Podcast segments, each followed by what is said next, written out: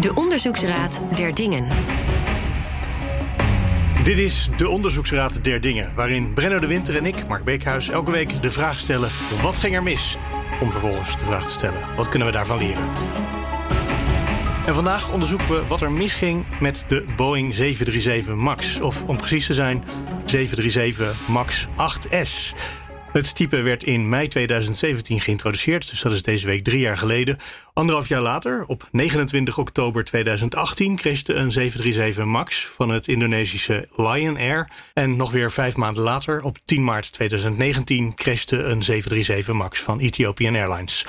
Sinds toen wordt dit type in de hele wereld aan de grond gehouden. Hoewel het vliegtuig niet mag vliegen, bleef Boeing wel nieuwe toestellen bouwen tot januari van dit jaar. Toen werd de productie alsnog stilgelegd. En eigenlijk wilde Boeing de productie van het toestel deze maand weer opstarten. Maar dat kan nog niet, want de certificering is nog niet rond.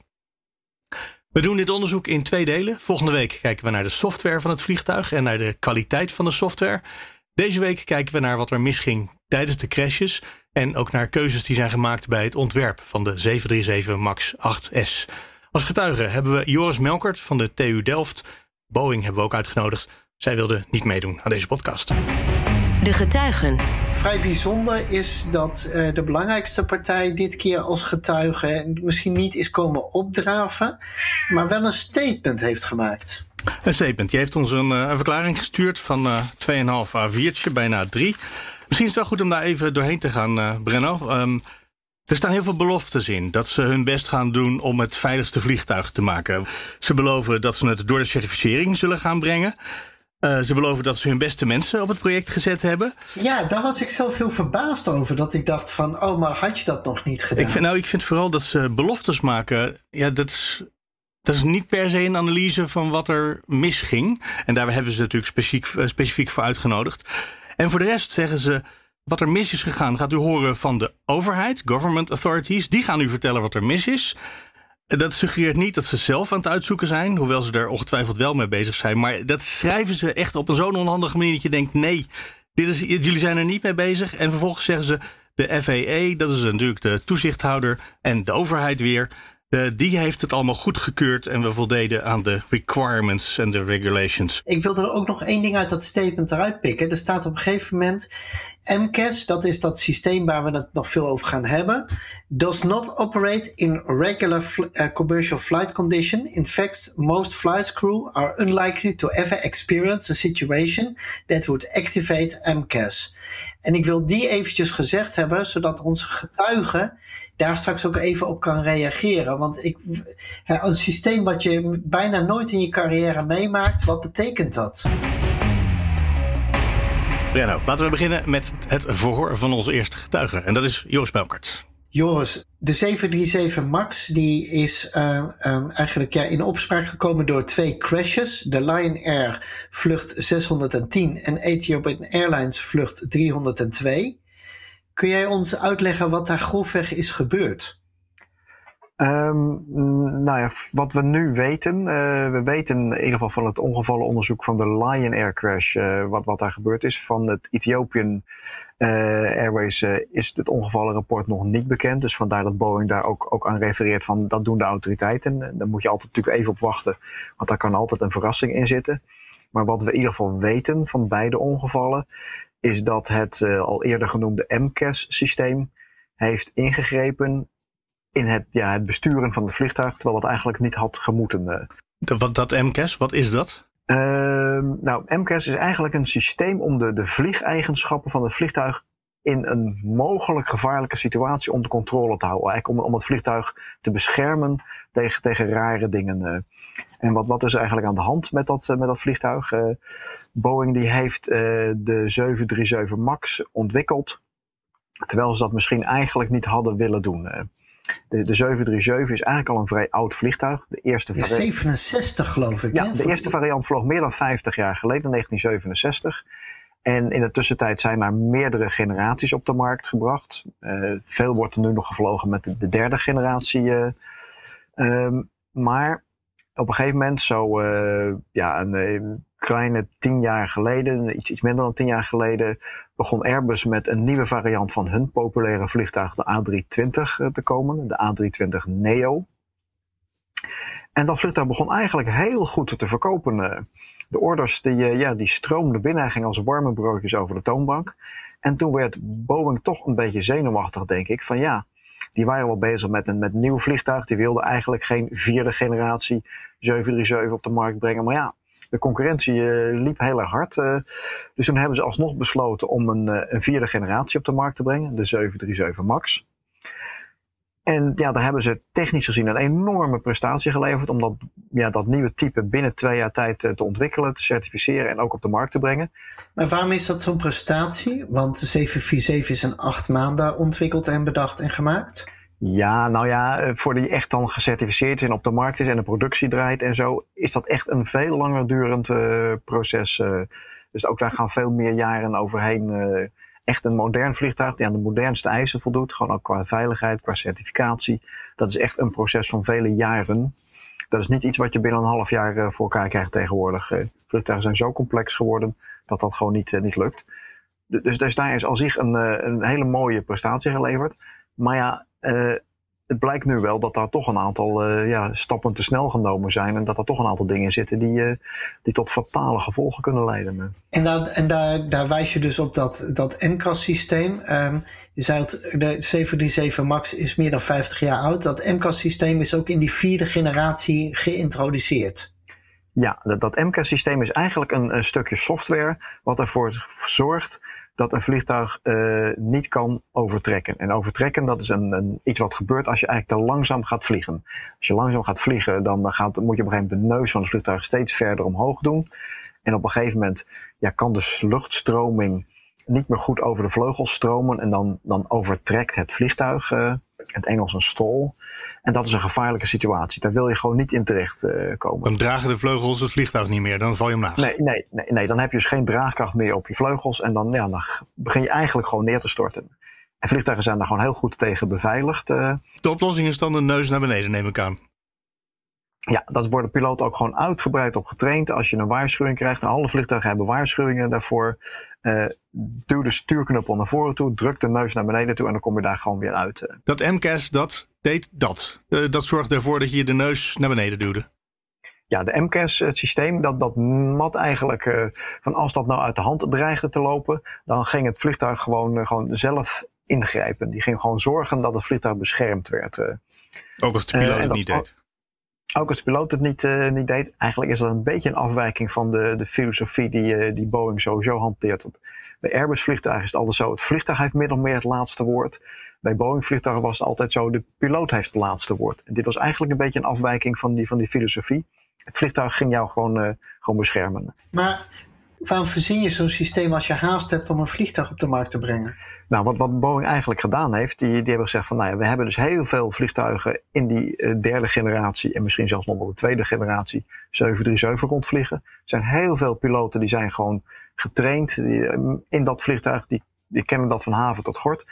Dus zou het nou niet vreselijk mooi zijn als we die vierde generatie, die nieuwe generatie, ondanks het feit dat die toch een beetje anders is. Grotere motoren, uh, ja, zwaarder vliegtuig, meer prestaties, eigenlijk een beter vliegtuig.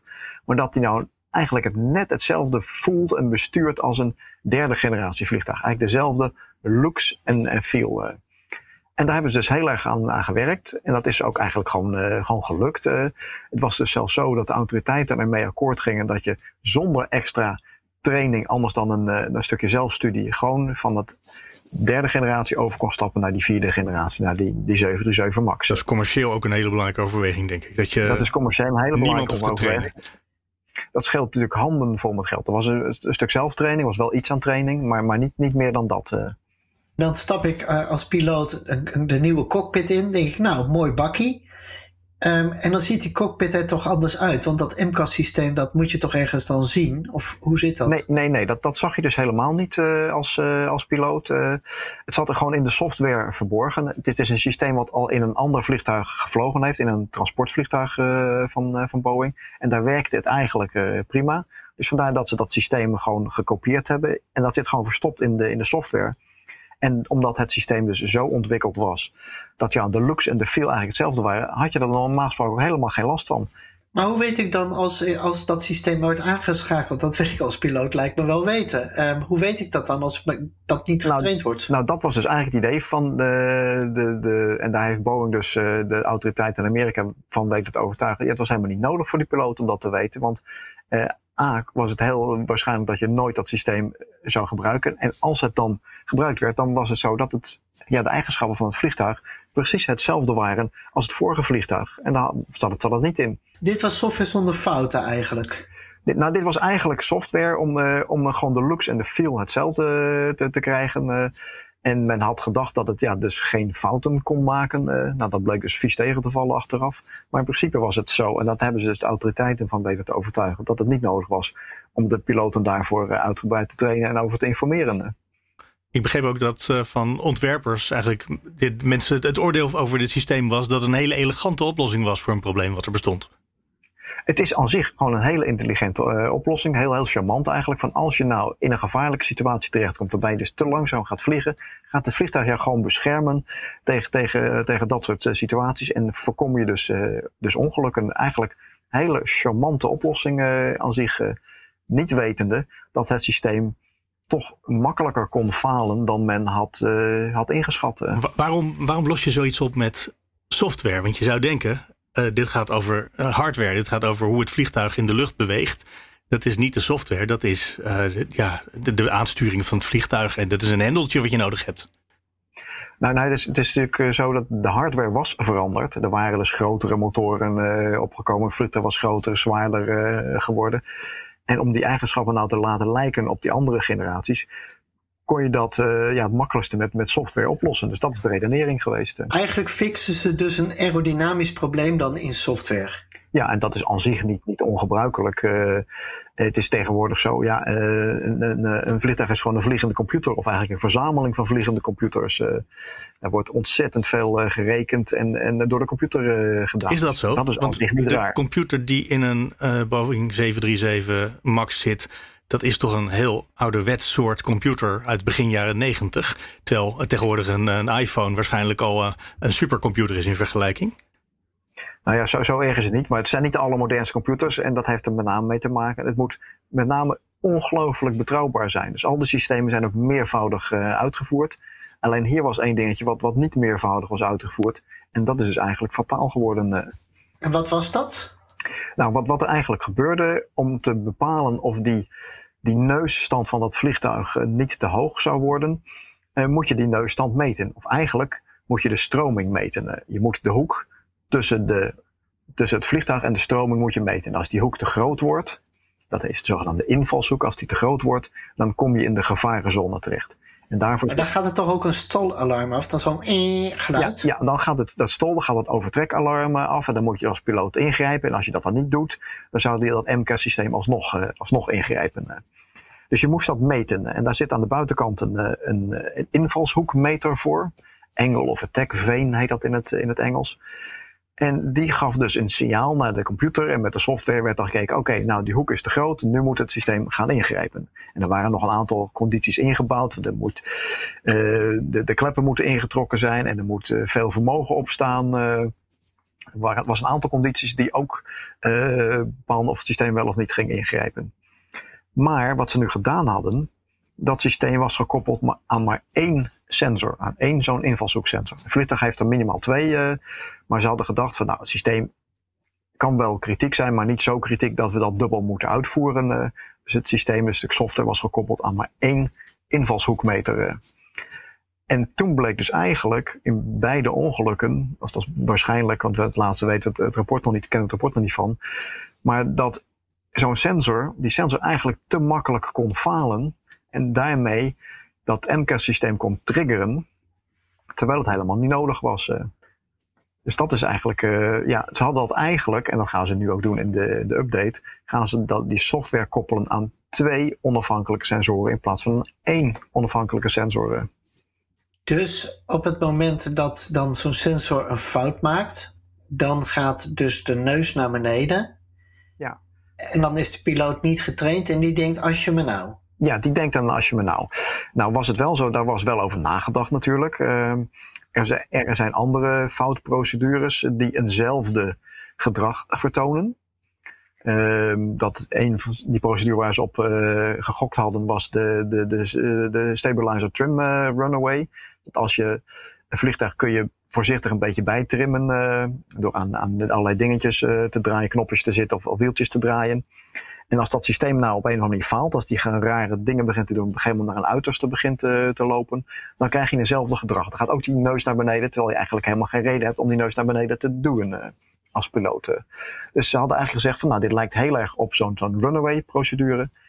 En om dat te voorkomen, heb je ook weer een systeem aan boord waar je daarmee dat kan onderbreken. En dat, nou ja, dat hadden ze ook netjes getest in het certificatieproces. Als dat nou gebeurt, dan zet je gewoon die, die trim zet je uit. Er zijn gewoon twee knopjes in de cockpit die al heel lang in dat vliegtuig zitten. En dan is het probleem opgelost. Dat was getest, dat was uh, geprobeerd en dat werkte. Dat, dat werkte aan zich ook gewoon.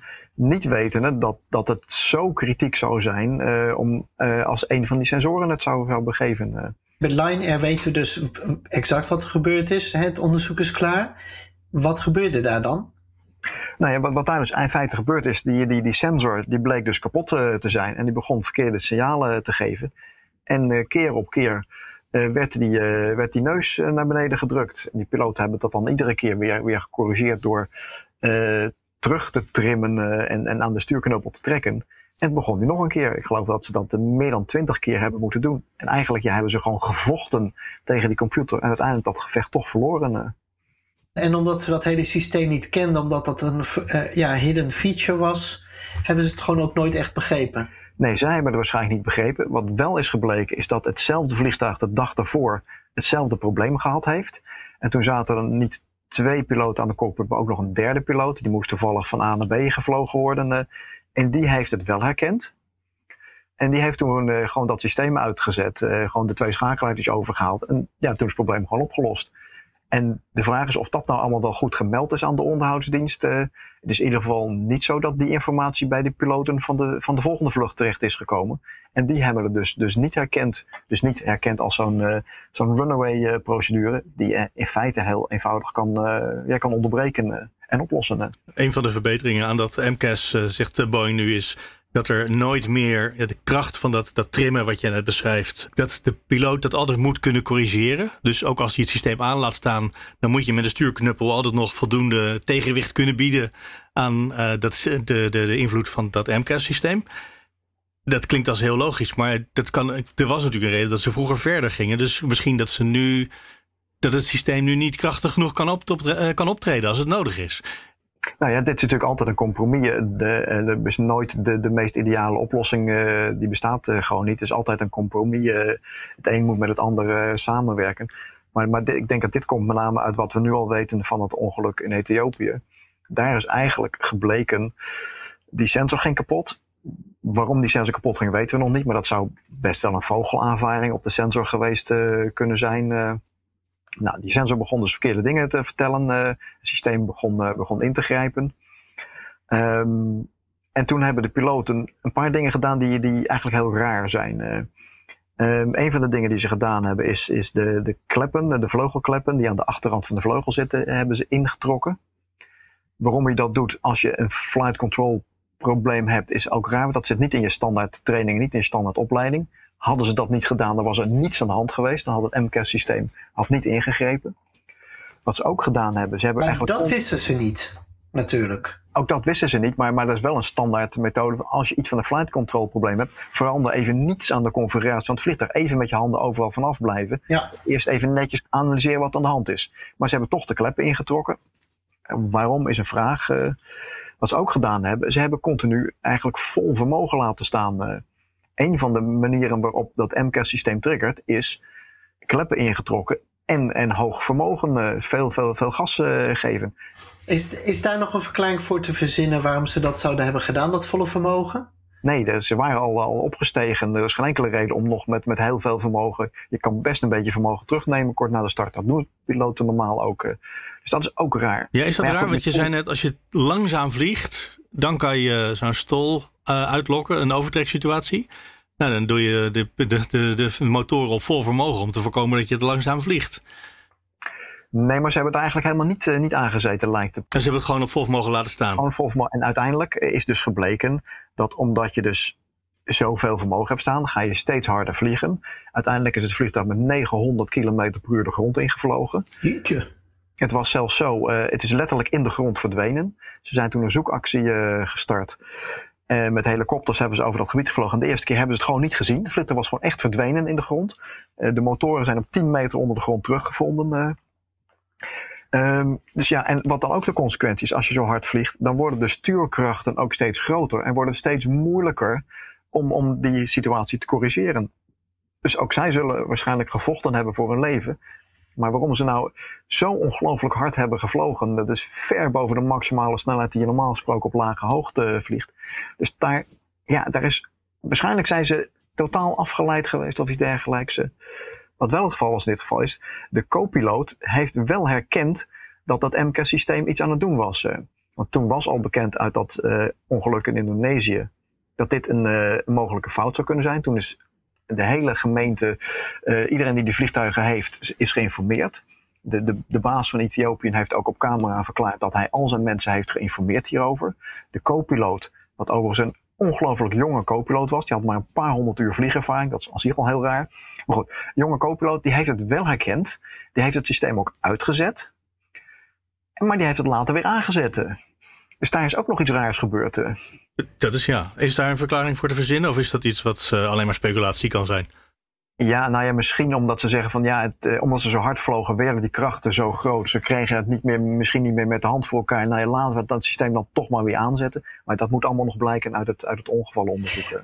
Zijn de cockpit voice recorders daar beschikbaar? Want die lijken me dan buitengewoon interessant. Ja, ja, die zijn allemaal netjes uh, terug, uh, teruggevonden. Zowel de flight data recorder als de cockpit voice recorder. In beide gevallen zijn die, zijn die teruggevonden. Nou las ik in dat statement dat Boeing... die begint zich dan ook een beetje te verschuilen achter de, de FAA als toezichthouder. en dan weet ik dat, dat de toezichthouders in staat zijn om een vliegtuig natuurlijk te testen en te controleren. Maar kunnen die doorgronden hoe, de, hoe zo'n zo software, stukje software in elkaar steekt en welke implicaties dat kan hebben? Nou ja, dat is dus ook de, de vraag. Kijk, dus, dus het is duidelijk dat er bij Boeing toch een aantal steken zijn gevallen. Maar ik denk ook de, de luchtwaardigheidsautoriteiten, de FAA, heeft hier steken laten vallen. Um, in de luchtvaart is het zo dat die systemen tegenwoordig dermate complex zijn dat het uh, niet altijd meer mogelijk is om echt alles helemaal te doorgronden. Dat is aan zich geen, geen probleem als je dat maar netjes oplost. En, daar hebben we tegenwoordig een systeem voor. Waarbij je, als je als fabrikant goed je best doet en een uh, goede track record hebt wat betreft veiligheid, dan kun je bepaalde privileges uh, verdienen. Dan kun je uh, zo voor elkaar krijgen dat je een aantal senior ingenieurs, ja, die namens de autoriteiten bepaalde dingen mogen, mogen goedkeuren. Dat is een systeem wat aan zich al goed werkt maar dat hangt er wel op dat je dat wel goed controleert als autoriteiten. Nou, ook daar is nu toch wel het een en ander misgegaan. Eh, dus ook, ook die autoriteiten eh, hebben wel steken laten vallen. Eh. Ik heb uit de media ook begrepen dat er ook wel spanning is ontstaan tussen bijvoorbeeld Europese toezichthouders en Amerikaanse. En dat dat stelsel van vertrouwen echt al onder druk nu ook staat. Nou ja, kijk, het, systeem waarbij je dus als, als uh, maatschappij, als, als Airbus of als Boeing gewoon privileges kan verdienen, dat, dat, is, dat is wereldwijd eigenlijk hetzelfde en geaccepteerd. Maar nu blijkt dus toch wel dat uh, ja, de FAA die heeft het vliegtuig primair goedgekeurd. Die, dat was de zogenaamde primaire certificerende autoriteit in dit geval. Als het Amerikaans vliegtuig is, keurt eerst de FAA het goed. En dan gaan de andere luchtwaardigheidsautoriteiten uit de hele wereld gaan hier en daar wat, wat, wat, eh, wat, wat spotchecks doen. Die, die doen wat steekproeven. Um, als het een Europees vliegtuig is, is het de EASA, de Europese luchtvaardigheidsautoriteit, die de primaire certificerende autoriteit is, die de goedkeuring doet. En dan komen de Amerikanen wat steekproeven doen. Maar goed, nu blijkt dus toch wel dat de Amerikanen steken hebben laten vallen. En dan is natuurlijk het vertrouwen bij de Europese autoriteiten en bij de Braziliaanse en bij de Chinese autoriteiten is toch gewoon wel weg. En die gaan natuurlijk nu, als het vliegtuig opnieuw uh, gaat vliegen, extra eh, streng zijn. Super streng zijn, uh, denk ik wel. Die waren gewend elkaars uh, adviezen over te nemen of elkaars certificeringen gewoon te kopiëren. En daar verwacht je nu van dat dat verleden tijd is. Nou, dat, ik denk dat het niet het hele proces opnieuw zullen gaan doen, maar ze zullen wel veel strenger gaan zijn dan, dan ze normaal zijn. Ze gaan niet meer alleen maar steekproeven doen. En zeker niet op dit vlak. dit gaan ze gewoon zelf testen. zowel in de simulator als met, met testvliegers. Is dat een goed idee of is dat eigenlijk overbodig? Want het kalf verdronken en dan gaan ze nu de put dempen. Um, nou ja, kijk, nu is er ook nog iets aan de hand dat gewoon het vertrouwen weg is. het, het, vertrouwen gaat echt te paard, het komt te voet en het moet nu weer te voet gaan komen, heel langzamerhand. En dat betekent ook dat je gewoon als, als nationale luchtwaardigheidsautoriteiten gewoon heel streng moet zijn om alleen maar aan je bevolking te laten zien van we kijken hier echt heel serieus naar. Dat, dat vertrouwen dat moet natuurlijk gewoon langzaam terug gaan komen. Misschien dat het wel streng genoeg is op het ogenblik in Amerika al, zal ik te denken. Boeing heeft al een heel aantal keren gesuggereerd binnenkort is de certificering rond, we zijn er bijna, we zijn klaar. Terwijl de certificering nog steeds niet echt rond is. Niet officieel met stempels en handtekeningen. Nee, nee, nee. De, de, de vloot van deze vliegtuigen staat al sinds maart vorig jaar aan de, aan de grond. Eh, en inderdaad, meerdere malen is er geroepen, we, zijn op de, goede, op de goede weg. Eh. En er wordt ook echt wel, eh, wel voortgang geboekt. Maar ze zijn nu wel zover. het is klaar als het klaar is en geen minuut eerder. En de FAA heeft ook nog een aparte onafhankelijke technische board geïnstalleerd. Die het ook nog eens een keer uh, apart gaat, uh, gaat bekijken. En pas als ook die technical board akkoord is, dan, dan gaat het weer vrijgegeven worden. En dan krijg ik alweer vertrouwen in de FAA. Maar de voorbarigheid van Boeing suggereert dan toch dat ze wel weer graag vliegtuigen willen gaan verkopen. Wat ik snap. Um, maar dat ze niet dezelfde grondige analyse willen maken die de FAA op het ogenblik al wel aan het doen is, kennelijk. Nou, volgens mij is ook wel de mentaliteit bij Boeing echt wel veranderd. Die hebben echt wel de, de boodschap gevoeld. Uh, daar, daar is ook, dat zijn de laatste maanden natuurlijk meerdere dingen naar boven gekomen. we zijn nu echt heel serieus aan het kijken. Dus het is heel goed dat er nu ook andere dingen gewoon heel goed onder de loep genomen worden. Want zij kunnen zich dit niet nog een keer permitteren. De, de, de schade wordt nu al geschat, orde vergroten 20 miljard dollar. Dat kun je als bedrijf natuurlijk niet, niet te vaak permitteren. Ik vroeg net al heel even naar de computer en toen maakte ik, de, maakte ik misschien iets te scherp, waardoor je het meteen uh, van tafel uh, veegde. Dat die computers zo oud zijn uh, dat je ze misschien niet serieus moet nemen. Toch is dat wel iets wat ik op een aantal plekken, toen ik me hierop voorbereidde op dit onderwerp, tegenkwam. Als dat, op, dat de computers van hele oude makelij zijn. Vanwege inderdaad het vertrouwen wat je in die jaren met die computers op, opdoet. Um, maar dat we wel steeds meer zijn gaan vragen van computers. En dat als je er niet meer in zet, wat bij deze Boeing 737 MAX niet is gebeurd. Uh, dat je op een goed moment aan de grenzen komt van wat zo'n systeem aankomt. En dat zou best eens de reden kunnen zijn waarom er ook in de software af en toe iets misgaat met dat MCAS-systeem. Is dat een theorie die zou kunnen kloppen? Uh, misschien in de algemeenheid wel, maar ik denk in dit geval niet, niet zozeer waarschijnlijk. Uh, dat dat MCAS-systeem, dat was al een keer eerder gebruikt op een, op een uh, transportvliegtuig. dus het was al bestaande software. Alleen wat ze in het ontwikkelingsproces gedaan hebben, ze hebben eigenlijk ontdekt dat het systeem al zich werkte, maar dat het een beetje krachtiger moest worden dan ze oorspronkelijk bedacht hadden. Dus dat betekent alleen dat je aan een paar dat je een soort knoppen draait in de software. Dus dat, dat is niet een extra zware belasting voor, voor de computers. Eh. Nee. Alleen wat ze toen gemist hebben in dat proces, is dat het op een gegeven moment zo sterk werd, dat systeem, dat het toch wel een heel kritiek systeem eh, werd. Ze hebben dus eigenlijk uh, ja, de, de, de, de, de, wat dan noemt de failure mode en effect analysis niet, niet, niet, goed, niet goed gedaan. Van ja, het kan falen, maar met name het effect hebben ze verkeerd ingeschat. Het werd veel kritischer en dan had je dus niet meer met één sensor toegekund. Er hadden gewoon twee onafhankelijke sensoren aan dat systeem moeten hangen om dat, uh, dat uh, te meten. Ja, dat kon ook. Het was een kwestie van twee draadjes maken. Die sensoren waren er al. Die sensoren zitten gewoon uh, op het vliegtuig. En nu is het zo dat als de linker hoofdcomputer actief is, dan gebruikt hij de sensor aan de linkerkant van het vliegtuig. Als de rechter hoofdcomputer actief is, dan gebruikt hij de, de, de sensor aan de rechterkant. En er was natuurlijk een relatief eenvoudige oplossing geweest. Dan moet je misschien wel weer een aantal regels eh, softwarecode programmeren. Maar een relatief eenvoudige oplossing geweest om twee onafhankelijke sensoren te hebben. En dat gaan ze nu ook doen in de update die eraan komt. Ik zit al met één laatste vraag. En um, dat gaat ook over die, die software. Hè? Eh, er is van alles natuurlijk naar boven gekomen. Was dit nou de enige fout in de software die is aangetroffen daarna? Of is er nog meer naar boven gekomen? Dat zou ik eerlijk gezegd niet weten. Er zijn wel andere dingen naar boven gekomen, met name in de, de kwaliteitszorg tijdens de, tijdens de productie. Eh, er zijn bijvoorbeeld uh, wat, wat uh, resten metaal gevonden in de, in de brandstoftanks. die, die waren gewoon niet goed gecontroleerd. Dus ja, gereedschappen mij- van eh, ingenieurs, toch? Van, van de vliegtuigbouwers. Ja, ja, ja en, ook, ook wat metaalrestjes, eh, spanen eh, en, en zo. En, en daar is dus, eh, dat hoeft allemaal niet meteen kritiek te zijn, want er zitten allemaal filters in het brandstofsysteem die dat allemaal tegenhouden. Maar toch, dat geeft wel aan dat, dat de zorg, de kwaliteitszorg die er had moeten zijn, er gewoon niet was. En daar is nu echt wel een ruk aan de teugels gegeven, zowel intern als externe. Ook KLM heeft geloof ik een vliegtuig in de eerste instantie geweigerd omdat ze de kwaliteitszorg niet goed genoeg vonden, toch? Ja, het was, was, was geen 737, maar was een ander eh, vliegtuig. eh. Ehm, daar bleken dus een aantal stoelen onder andere niet, niet goed vast eh, te zitten. En dat is aan zich niet meteen een probleem. eh.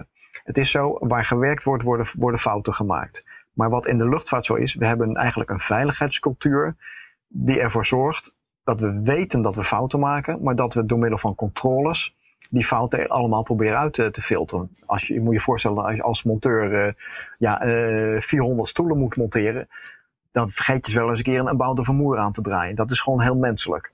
Maar het systeem in de luchtvaart is zo, door middel van verschillende niveaus van, van controles, dat je die fouten gewoon allemaal vindt. eh.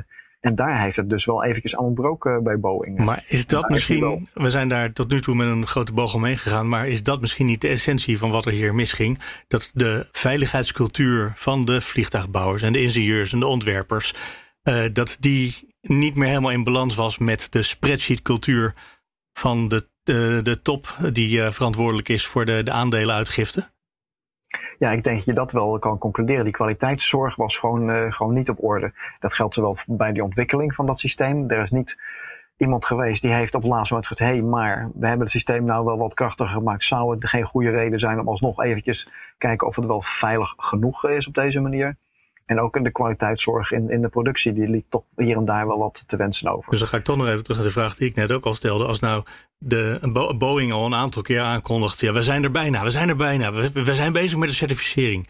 En de FAA zegt, nou, voorlopig hebben we hem nog niet gecertificeerd.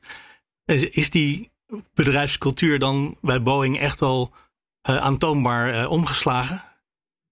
Nou, ik, ik denk dat dat, eh, dat al even geduurd heeft, maar ik denk dat die omslag er nu wel is. En ik heb met name een, een, grote verandering gezien toen de, de, nieuwe topman eh, begin dit jaar eh, in dienst kwam. Die stond daar ook veel relaxter in dan, dan de vorige. Die zegt van, wij gaan gewoon als Boeing zorgen dat dat goed gaat. Dus in die zin wat ze schrijven in de verklaring die ze gegeven hebben, wij gaan zorgen dat dit het meest veilige vliegtuig wordt. Ik geloof dat die houding wel, wel veranderd is eh, zo langzamerhand. Ja, want ik had dat zelf afgedaan als. eh, dit komt wel heel erg als marketing over. En we zetten onze beste mensen erop. Van goh, had je dat nog niet gedaan? Nee, nou ja, blijkbaar dus niet. In ieder geval die kwaliteitszorg eh, was, was gewoon duidelijk niet op orde. Zowel in het ontwerpproces als in het certificatieproces. En dus ook bij de FAA eh, niet. eh, ehm, en, en, en dus ook in, de, in, de, ja, in het productieproces. En dat is nu denk ik, denk ik wel, wel veranderd. Ik denk dat wij er zijn, hè? Ik denk zeker dat we er zijn. Ik denk dat het wel heel moeilijk is om nu al heel veel conclusies te trekken. Omdat er nog dieper moet worden ingezoomd op de software. Dat gaan we in de volgende aflevering doen van eh, de Onderzoeksraad der Dingen. Voor nu danken wij alvast getuige Joris Melkert van de TU Delft. En daar ja, verantwoordelijk voor de holistische blik op vliegtuigenontwikkeling. Ja, zo kun je het misschien wel, wel zeggen. eh. Ja, ik probeerde te bedenken hoe we jouw vak het beste konden omschrijven. Maar dat is het, het, over, het overzicht houden, de generalist in dat opzicht. Ja, want het, het- met, met vliegtuigen is het altijd zo. Alles hangt met alles samen. Software hangt met hardware samen. Het ene gaat echt niet zonder het andere. En ik vind dit trouwens nog wel een hele belangrijke toevoeging. Als we het hebben over een systeem. wat je dus kennelijk eh, niet aan de piloten vertelt. of eh, maar zijdelings aan de piloten vertelt. Als alles met alles samenhangt. dan moet je daar toch ja, misschien wel naar luisteren. Nou, dan is dat misschien alvast een eh, voorlopig tussenadvies. Meestal sluiten we deze podcast af met een advies. Maar laten we dat nu nog niet doen. Dan doen we dat na de volgende aflevering. Vergeet je niet te abonneren op deze podcast, De Onderzoeksraad der Dingen.